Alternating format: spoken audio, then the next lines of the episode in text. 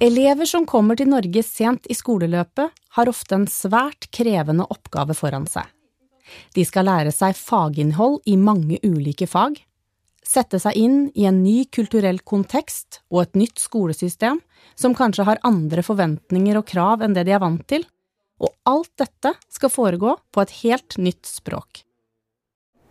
Som var vanskelig for meg, f.eks. i naturfag.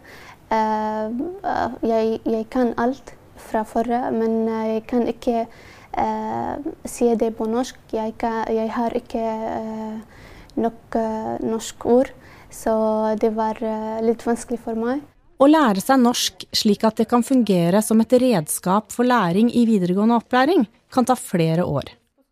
Nyankomne elever vil derfor kunne trenge å støtte seg til morsmålet eller et annet språk de kan, i lang tid etter at de kommer til Norge. Denne episoden handler om hvordan elevenes flerspråklighet kan brukes strategisk som støtte i undervisningen. Ja, Hvilket tema har vi? Ja, elektrisitet. Og hva har vi jobba med før? Hva skal vi fortsette å jobbe med? Begreper. Pornima Patil og Merete Rossebø Christensen jobber som lærere i kombinasjonsklassen på Tor Heyerdahl videregående skole i Larvik. I denne klassen går det elever med kort botid i Norge som skal ta grunnskoleeksamen før de begynner i ordinær videregående opplæring. Særlig i naturfag så er jo ganske mange vanskelige begreper. Og da har vi eh, jobber med begrepsplakater. Hvor vi skriver begreper på den ene sida, og så har vi begreper på norsk, og så har vi begreper på morsmålet. En av dere leser det ordet her, som står det. Og så skal dere prøve å forklare det hverandre på morsmål og over det på norsk. مقدار الطاقة التي تمتلك الإلكترونات إذا كانت الإلكترونات تحتوي على الكثير من الطاقة فإننا نقول أن لديها الكثير من الجهد إذا أن الإلكترونات لديها القليل من الطاقة فإننا نقول أن هناك القليل من الجهد. Bedre hva betyr det på norsk? ja, hvis vi har uh, mye elektroner. Vi har uh, stor spenning. Hvis vi har litt uh, elektroner, vi har litt spenning. Os objetos se afastam um do outro. Går fra hverandre. Ja. Den diskusjonen som skjer i de språkgruppene nå, sier oss mye om hva elevene kan av fag på morsmål. Vi ser jo fort at noen må ha mye mer hjelp av medelever. Mens andre, der går jo praten veldig greit, for da har de på en måte en sånn felles skolebakgrunn. Nå skal vi gå over da til å sette disse begrepene inn i et sånt tokolonneskjema. Så skrive forklaringa gjerne på norsk og på morsmål. Noen av elevene kan jo dette her på morsmålet ganske godt, men de mangler de norske orda for å få forklart seg. Og da har de det i et skjema, at i undervisninga så må de da kunne forklare det ved å bruke det norske språket. Men hvordan fikser det, ja? Nei. Mm. Skal du forklare noe det på arabisk? Nei, vi må forklare det på norsk. Mm. Den metoden vi har brukt er veldig fint, fordi den, den, bruker vi før vi starter et tema. Og så bruker vi veldig mye underveis også, når vi forklarer uh, temaet. Og så kan de bruke det når de har prøve, eller når de skal jobbe med stoffet hjemme også.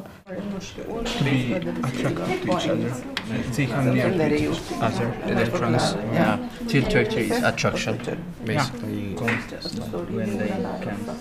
Yeah, when they come near. It's like a magnet. Yeah. Mange av våre elever har jo da engelsk som skolespråk fra tidligere. Og de vil jo da bruke engelsk nå, og ikke nødvendigvis morsmålet sitt, fordi de har hatt all opplæring på engelsk, og de kan nødvendigvis ikke alt fagspråk på morsmål. Det vi kanskje bruker tid på, det er jo mer å kvalitetssjekke det elevene kan, det de skriver da på morsmålet. Eller på, på engelsk. Engelsk kan jo vi, men uh, vi kan jo ikke bl.a. arabisk.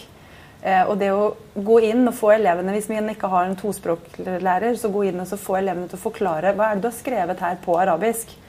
Og det så vi jo i naturfag òg. Vi hadde spenning, hvor de hadde forklart spenning som noe som er spennende. Så det å få elevene til å da måtte fortelle, oversette til norsk det de har skrevet på morsmålet, det bruker vi kanskje mest tid på. Strømisolator Da vil jeg at dere skal sitte på gruppa deres sånn som dere er nå. Dere får poeng. Og så skal vi høre svar fra hver gruppe etterpå, og da vil jeg ha en forklaring på norsk. Noen elevene er jo flinke i sitt morsmål, men noen kan jo ikke sitt morsmål så godt. For at de skal ta utbytte av sitt morsmål, så må de kunne språket godt. Og da, når vi vet at elevene har et godt språk, morsmålet, da bruker vi den. Hvis ikke, så må vi heller ha fokuset på det norske språket.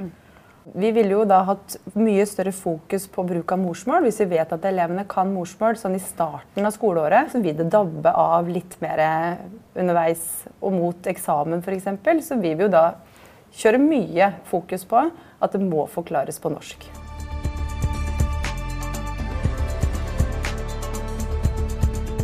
Anne Beate Eide har jobbet mange år med minoritetsspråklige elever i videregående opplæring.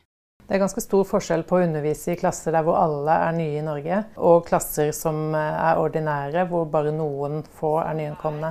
I klasser hvor bare noen få er nyankomne, må en få tilpasset undervisningen parallelt med den ordinære undervisningen. Praktiske øvelser er fint å bruke i undervisningen når elever er nye i Norge. I tillegg så er det mange elever som velger å gå på yrkesfaglig utdanningsprogram. Da er det viktig at alle faglærere vet noe om bruk av flerspråklighet i praktiske fag. Vi skal lage en hylle, og den hylla den får dere karakter i både tømrerfaget og i norskfaget. Sissel Merete Andersen jobber som norsklærer på VG2 byggteknikk på Tor Heyerdahl videregående skole. Eh, elevene eh, mine de bruker eh, morsmål, de bruker norsk, de bruker andre språk de kan. De elevene her de jobber som en to og to og skal sette sammen en hylle. Og underveis må de ta bilder fordi de skal lage en instruksjon med mm, veldig korte setninger bilder og detaljert beskrivelse, sånn at vi andre kan bygge en hylle eh, på deres instruksjon. Når en har elever i eh, samme klasse som deler samme morsmål, så kan de være hverandres språkhjelpere. De kan ha ulik kompetanse, og de kan ha et ulikt norsk norsknivå. Og de kan støtte hverandre i opplæringen. Og det kan være motiverende for elevene å ha noen å støtte seg til.